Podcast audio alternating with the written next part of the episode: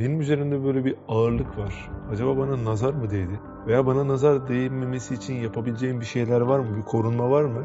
Değdiyse de bundan kurtulmanın bir yolu var mı? diye merak ediyor insanlar. Ayrıca bir büyü konusu var. Büyü diye bir şey var mı? Büyüden korunmanın yolları var mı? Yani sürekli hayatımızda bazı düşmanlarımız bizi sevmeyen insanlar olabileceği için bütün kardeşlerimizin e bu da bizi sürekli büyü ve nazara karşı yani saldırılabilir hale getiriyor. Bundan bir korunma yolu varsa çok önemli bir meselemiz olmalı. Yani bir telefonu aldığımız zaman bile yeni aldığımız zaman ne yapıyoruz? Ekran koruması koyuyoruz. Aman işte bir şey olmasın. E, ekrana bir şey olursa ben işte 600 lira 700 lira veremem diye. Şunu bile koruyoruz. Ve Efendimizin nazarla ilgili bir hadisi diyor ki göz değmesi yani nazar haktır. Deveyi kazana insanı kabre girdirir. Yani nazar insanı ne yapabilir? Bu kadar ileriye gidebilir. Ayrıca abi aynı zamanda halk arasında popüler olan başka bir şey daha var. İşte bana cin musallat oldu. E cini oldu. Ha, Üç harfli diyeceksin. üç harf dedi. Çok 40 kere söylersen musallat olur. Diyorlar. Senle uğraşırlar falan. Yani bu konuda ne merak ediliyor? Bana İşte bana cin musallat oldu mu? Olduğunu nasıl anlarım? Hmm, Şimdi burada videoyu kapatan kardeşler olabilir. Arkadaşlar korkmayın. Ya bu meselede ne yapılacağını öğrendikten sonra hani birazdan anlatacağız. Korkacak bir şey olmadığını, her şeyin ama her şeyin Allah'ın kontrolü altında olduğunu, bir yaprak tanesinin bile Allah'ın izni olmadan yere düşmediğini bilen bir müminler olarak e, zaten korkutucu böyle cin hikayeleri anlatmayacağız. Evet. Kaçıncı cin oldu bu arada şu anda? 40'a gelmedik değil mi? Kırığa gelmedik biraz daha var. Devam edelim hadi bakalım.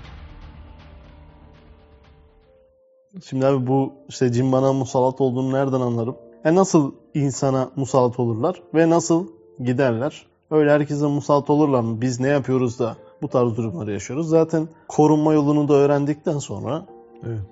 bir problem kalmıyor Allah'ın izniyle. Biz bunları konuşacağız. Yani ayet-i kerimede bize verilen mana şu.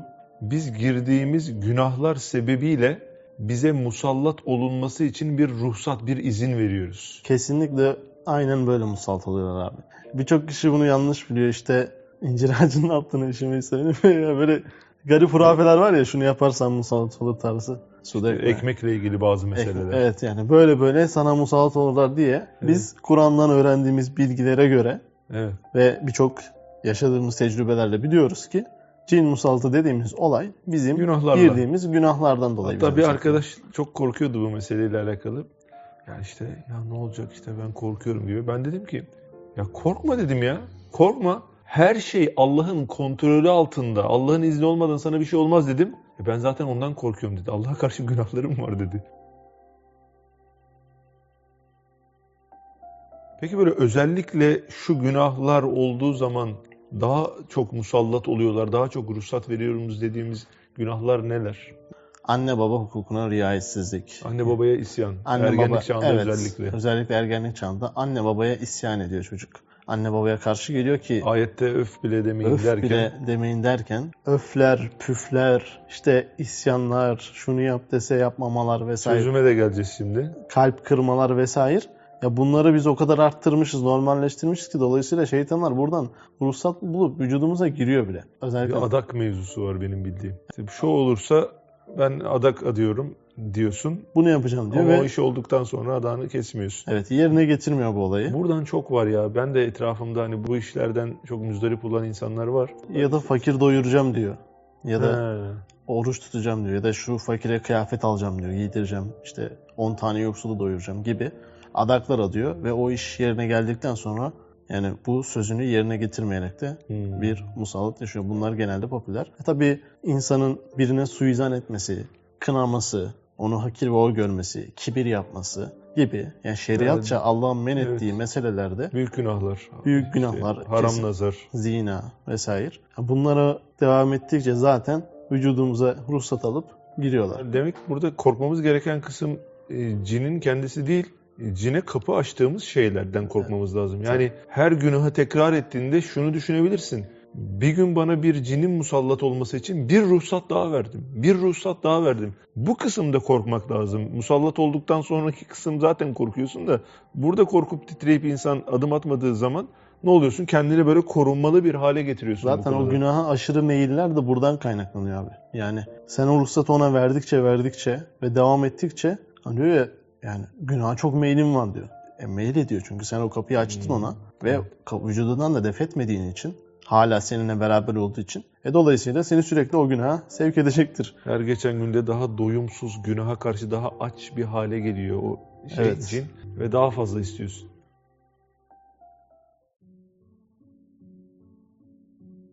Peki bunun çözümü nedir sorusunda çözüm, tahmin ediyorum o cevabı vereceksin. Ver bakalım. çözümü tövbe abi. Tövbe istiğfar. İstiğfar. Yani ille de bir hocaya veya bir yere gitmek zorunda değilsin. Tabii ki etrafında bu işi yapan muteber insanlar varsa gidebilirsin. Ama tövbe vesilesiyle de bunu hiçbir yere gitmeden kendin de çözebiliyorsun. Evet kesinlikle ya ve şöyle bir şey var abi. Yani hangi günahtan dolayı musallat yaşıyorsan o günaha tövbe etmen yeterli oluyor. Mantık da herhalde şu. e, Ben bir günaha girdim, bir harama girdim ve o haram sebebiyle bir ruhsat verdim. Bana bir e, cin musallat oldu. Artık huzursuz bir insanım. Şimdi onu ona vermiş olduğum ruhsatın geri alınması için o günahın tövbesini yapıp ruhumda açılan o deliği yani şi- bir de, delik diyelim yani şeytan oradan musallat oluyor diye bir tasvir yapalım kafamızda. O deliği kapattığım zaman tövbe istiğfar yaptığım zaman o ruhsat geri alınıyor ve sen de ondan kurtulmuş oluyorsun. Evet Bediüzzaman Hazretleri'nin bu konuyla ilgili küçük bir yerini okumak istiyorum abi. Üstad Hazretleri Lemalar eserinde diyor ki abi ey ehli iman diyor. Bu müthiş düşmanlarınıza karşı zırhınız. Zırh. Madem böyle günahlardan bize saldırı var. Zırhınız Kur'an tezgahında yapılan takvadır. Tamam. Takva günahlardan kendini kaçmak yani uzak durmak. Ve siperiniz Resul-i Ekrem Aleyhisselatü Vesselam'ın sünneti seniyesidir. Sünnet-i seniye bu konuda çok çok çok etkili bir şey abi. Yani Bir korunma sağlıyor. inanılmaz bir koruma. Ya Allah'ın en sevdiği kulunun Habibullah diyoruz değil mi? Allah'ın sevgilisi dediğimiz kulunun davranışlarını yapıyorsun. Dolayısıyla Allah'ın senin üzerindeki inayeti, sevgisi hani artıyor çünkü Habibine benziyorsun. Sevdiği kuluna benziyorsun. Siperimiz Resul-i Ekrem Aleyhisselam'ın sünnet senesidir ve silahınız istiaze ve istiğfar diyor Üstad Hazretleri. İstiaze Allah'a sığınmak, Euzu besmele. Evzu besmele evet. İstiğfar, tövbe etmek ve hıfz-ı ilahiyeye ilticadır. Allah'ın bizi muhafaza etmesine iltica etmemiz. Yani bizim silahımız, kalkanımız, kalemiz Kur'an, Evet, sünnet, istiade, istiğfar, hıfz-ı ilahiye iltica. Bu öyle bir hayat yaşayan birisi zaten bu tarz olaylarla hiçbir şekilde karşılaşmaz. Birçok kişi buradan çok yanlış yollara da gidebiliyor abi. Ne gibi? Cin musallatı var bende deyip hani tövbe istiğfar dışında o kadar şeye başvuruluyor ki Hmm. ve sonuç alamıyor ve daha kötü hale geliyor belki de. Hmm. Atıyorum Allah muhafaza yani şirke bile götürebilir. Yani bir şeyden medet umduruyor sana. Ya da Hmm. şunu yaparsam kesin geçer şifa bulurum. Ha, şafi tamamen Allah. Ve Allah sana bunu nasıl şifa vereceğini de öğretmiş. İstiğfarla, sünnet-i seniyeyle, takvayla kaleme girersen kurtarırım seni diyor Allah. Ya biz de bunu yapacağız. Yani bunu başka yollarda aramaya gerek yok. Bu öyle üstü kapalı bir konu. Herkesin bir şey söylediği karışık bir konu değil. Evet, Kur'an ve evet. sünnette bu var. Bu hayatıma tövbe ettim diyen insanlar var ya birdenbire çok değişiyor. Adamı anlayamıyorsun. Yani içki içen, sağda solda takılan bir adam. Nasıl birdenbire değişti çocuk diyor. Birdenbire hatalarını anlayıp birdenbire hatalarına tövbe edince o rahmani hazzı alınca adam hayatını rahatlıkla değiştirebiliyor yani. Bir seminerden sonra bir kardeşimiz gelmişti. Demiştik ya abi bende bir ara musallat vardı. Ya hakikaten o musallat olanların ileri seviyelerini de ben e, birçok kez duydum. Bambaşka bir insana dönüyor tanıdığın insan. Ya ben tanıyorum Recep'i ya. Recep böyle bir insan. Recep bambaşka bir adam. Konuşma tarzı bambaşka bir şeye dönebiliyor. O kardeş dedi ki ben dedi musallat vardı. Abi dedi Allah'a yöneldim namaza başladım dedi. Kurtuldum dedi. Ama işte şimdi tekrar başladı dedi. Namaz kılmıyorum ben dedi. Ne yapacağım dedi. Namaz kılmıyor musun? Allah Allah. Acaba ne yapacaksın yani? Daha önce denediğim bir ilaç var. Onu denemeye ne dersin? Dua et falan diyor. Yani namaza başla yani. En büyük dua o. Tabii abi yani ben bu olayı iç mahiyetini öğrendiğimde ya dedim tamam hadi biraz korkuyorsun dedim. Korkuyorum. Bir musallat varsa kurtulayım vesaire ama ya Allah beni bu kadar severken Hmm. ben neler yapmışım demişim yani. Yani yakışmaz. En basit örneğidir. Bence basit değil ama genelde çok tekrar edildiği için basit diyorum. Bence hiç basit değil. Diyoruz yani ya dünyadaki her şeyi sana verseler iki gözünü vermiyorsun. Hayallerim var, gayelerim var. Tamam o gayelerini sana veriyorum. Karşılığında bana iki gözünü ver. Vermiyorsun. Çok kıymetli çünkü iki göz. Bir sürü kulaklık var hepsini sana vereceğim ama kulaklarını ver bana. Ne anlamı kalır diyorsun. Demek ki kulağın daha anlamlı. O ayakkabılar senin ayağın olması yapılmayacaktı. Yani çok değerli yaratmış Allah ve daima da yaratıyor. Her şey olabilirdi. Şu an milyonlarca hastalık var. Bende hiçbiri yok. Yani inan her şey olabilirken Allah bana bu kadar nimetini yağdırıyor. Ben ne yapıyorum? Onun istemediği şeylerde. Yani hani tamam evet musallat oluyor falan ama E ben de ayıp yap ayıp yani benim yaptığımda yani bu kadar nimete karşı şükürsüzlük ve onun emir ve yasaklarına uymamak. Tabii hatadan hali değiliz. Yoluna yöneliriz, gene ayağımız kayar, düşeriz, kalkarız. Ama en azından şunun farkında olalım. Ya benim bu yaptığım günah, benim bu yaptığım hata. Ben bundan iteceğim, Allah'a sığınacağım. Sünnet kalesi Allah'a sığınacağım. Yani kusurunu bilmek. Ya peki tövbe istiğfar derken ben işte tövbe istiğfar metni bir tane var herhalde değil mi? Vereceğiz Bizim onu.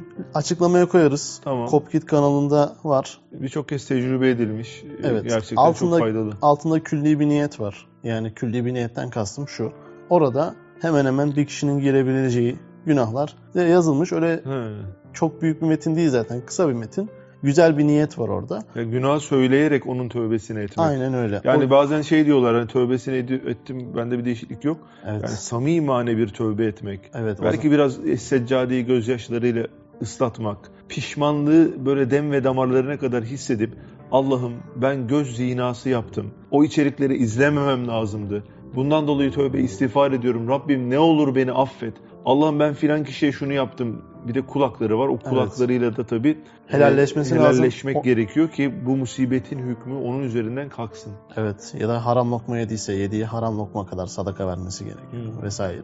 Bir temizlenme gerekiyor yani. evet bir temizlik Bu gerekiyor. musallatın da bir amacı var aslında. Çünkü biz mesela cinlerden çok korkuyoruz. E, Korku olunca insan Allah'a daha çok sığınma ihtiyacı hissediyor. Mesela ben böyle çocukluktan itibaren annemin böyle bana öğrettiği bir şey vardı. Yani ne kadar gaflette olursam olayım. Ergenlik çağına girdim yine gafletteyim. Üç kulüf Allah bir elham derdi. Tamam mı? Hep böyle onu okurdum. Ama onu böyle Allah rızası için değil de e, Kurtulmak. bana bir şey olmasın sabaha kadar diye böyle bir korku.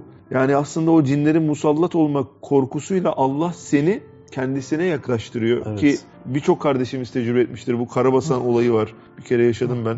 Böyle yüzük oyun yatıyorum.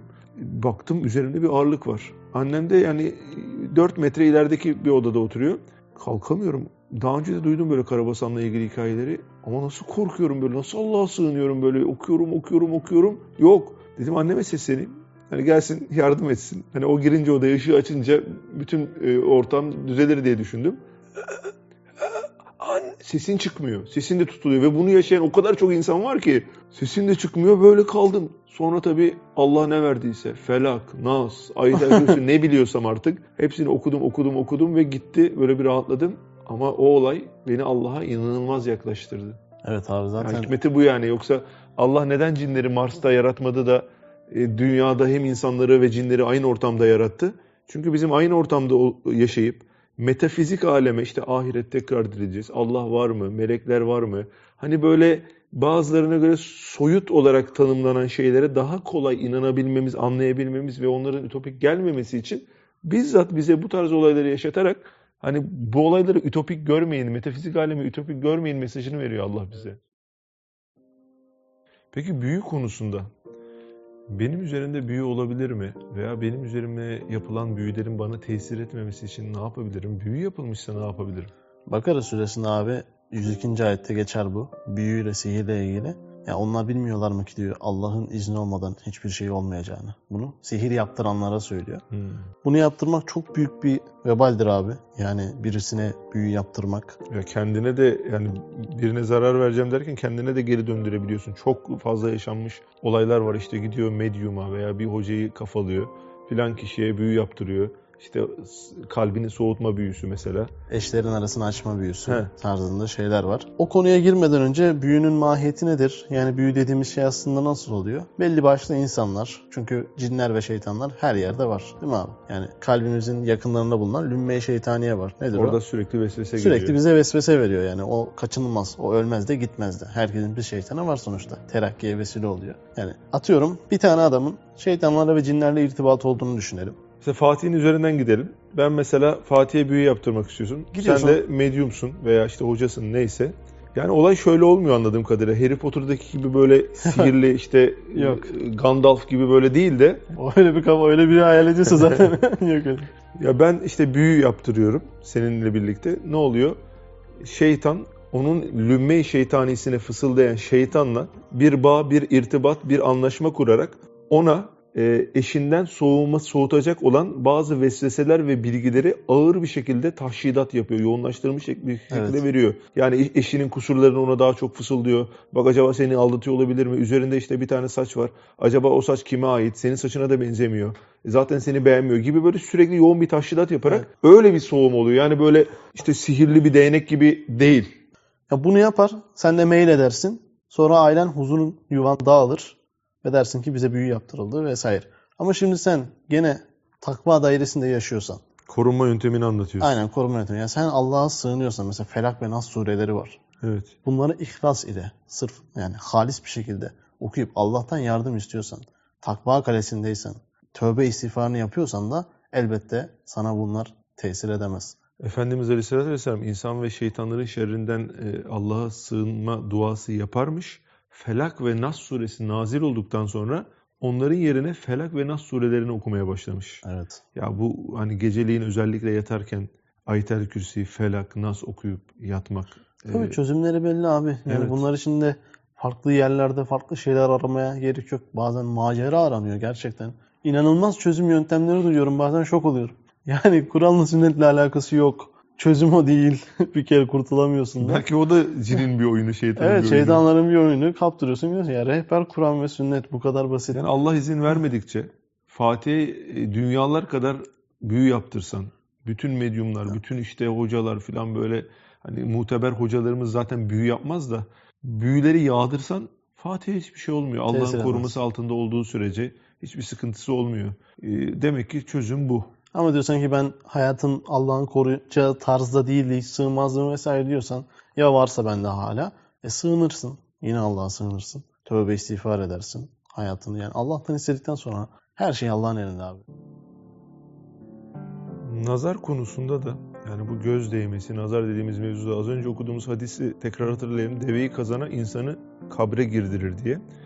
Bir de sahabilerden Amr bin Rebi'a, Seyl bin Hüneyfi yıkarken görür, nazar eder.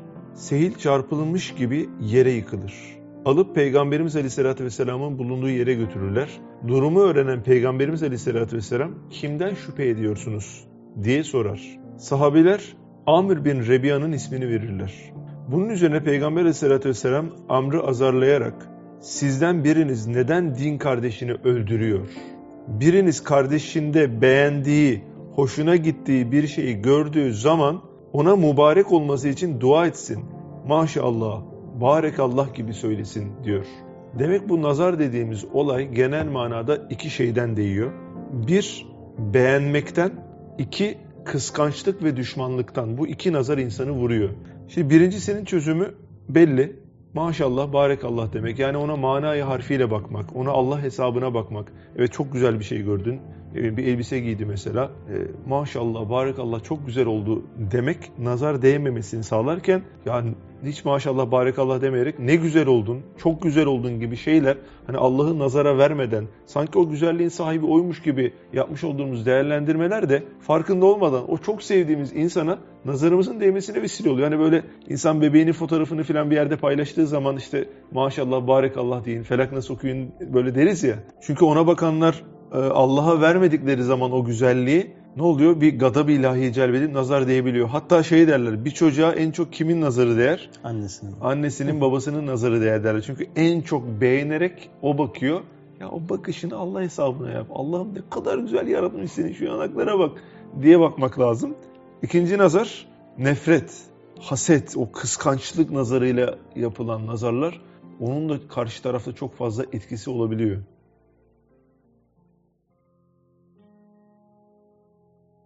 Peki nazardan nasıl korunabiliriz? Fatiha, Felak, Nas ve Ayet-el Kürsi e, bunları bol bol okuyarak Allah'ın izniyle muhafaza olunabiliriz.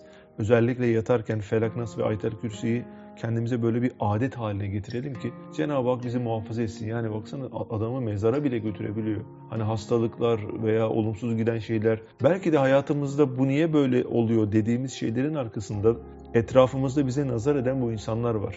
Başka ne yapabiliriz bunun dışında? Az önce söylediğimiz gibi insanlara bakarken maşallah ve barekallah demelerini, Allah hesabına bakmalarını sağlamak.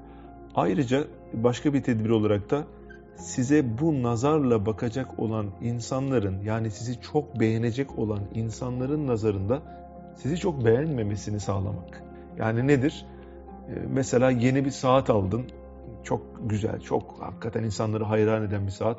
Instagram'dan onu çekip paylaştığın zaman insanların o beğenme ile alakalı işte çok yakıştı mesela sana nazarlarını celbetmiş oluyorsun. Yani insanları kıskandıracak şeyleri paylaşmamak mümkün mertebe. Tabii insan giriyor çıkıyor ortamlara. Çok kıskandıracak şeyleri yapmamak lazım. Çünkü insan şunu çok kıskanıyor e, Recep. Belki sen anlayamıyorsun. Ya bir insan bir insana niye kıskanır? Şöyle düşün. Çok elde etmek istediğin ve onun için çok mücadele ettiğin ama bir türlü sahip olamadığın şeyler var. Ama karşındaki kişi senin kadar mücadele etmediği halde senin o sahip olmadığın şeylere çok kolayca sahip olabiliyor. İşte bu gibi durumlarda haset oluşabiliyor. Bu konuyla ilgili Efendimiz Aleyhisselatü Vesselam'ın hasetle ilgili çok güzel bir hadis-i şerifi var. Diyor ki Ebu Hureyre rivayet ediyor. Müminin dört düşmanı vardır. Nedir bu dört düşman? Kendisine haset besleyen mümin, ona kin duyan münafık, yoldan saptıran şeytan ve onunla savaşan kafir. Çok garip değil mi ya? Kafir, münafık, şeytanın yanında müminin ne işi var? Haset eden mümin var. Yani o kıskançlık duygusu özellikle en çok nazar değdiren mevzu bu. Çözümü ne? Seni kıskanmalarına sebep olacak şeyleri özellikle kıskanacağını düşündüğün insanlara gösterme. Annene göster, babana göster. Annesi babası insanın kıskanmaz. Benim oğlumda, benim kızımda bu ne var demez. Ama kıskanabilecek insanların nazarından hakikaten korkmak lazım. Evet bir de zaten yani o hakikaten biraz da kötü bir şey oluyor yani. Bende var sende yok. Ya ben sen o niyetle yapmıyorsun belki ama Evet. durum öyle gözükebiliyor. Özellikle bu hani yemek paylaşımlarına çok itiraz ederler ya sosyal medyada. Sen gitmişsin steakhouse'a, söylüyorsun böyle bir Dallas, işte New York steak falan böyle. Çok güzel servis yapılıyor. Adam hayatı boyunca gitmek istemiş, gidememiş. Sen paylaşıyorsun fotoğrafını, videosunu. Adam da seni Instagram'da görüyor. Seni görürken önünde kuru fasulye var, kuru fasulye pilav yiyor. Orada bir haset oluşabiliyor. Ya paylaşma ya. Evet. Paylaşma boş ver. Gerek yok. Yani toparlayacak olursak neyi konuştuk? Bir, cin nasıl musallat olur, ne yapmak lazım? İki, büyü meselesini konuştuk. Büyüden nasıl korunabiliriz? Üç de nazar mevzusuydu. Bence kardeşlerimiz bu meseleyi çözebilirsek hep beraber Allah'ın izniyle muhteşem bir koruma elde edip belki de şu anda ya bir türlü şu musibetlerden kurtulamadığımız dediğimiz meseleleri de çözmüş olur. Hayatımıza daha güllük gülistanlık devam etmiş oluruz. Peki Allah'a emanet olun. Görüşmek üzere kardeşlerim.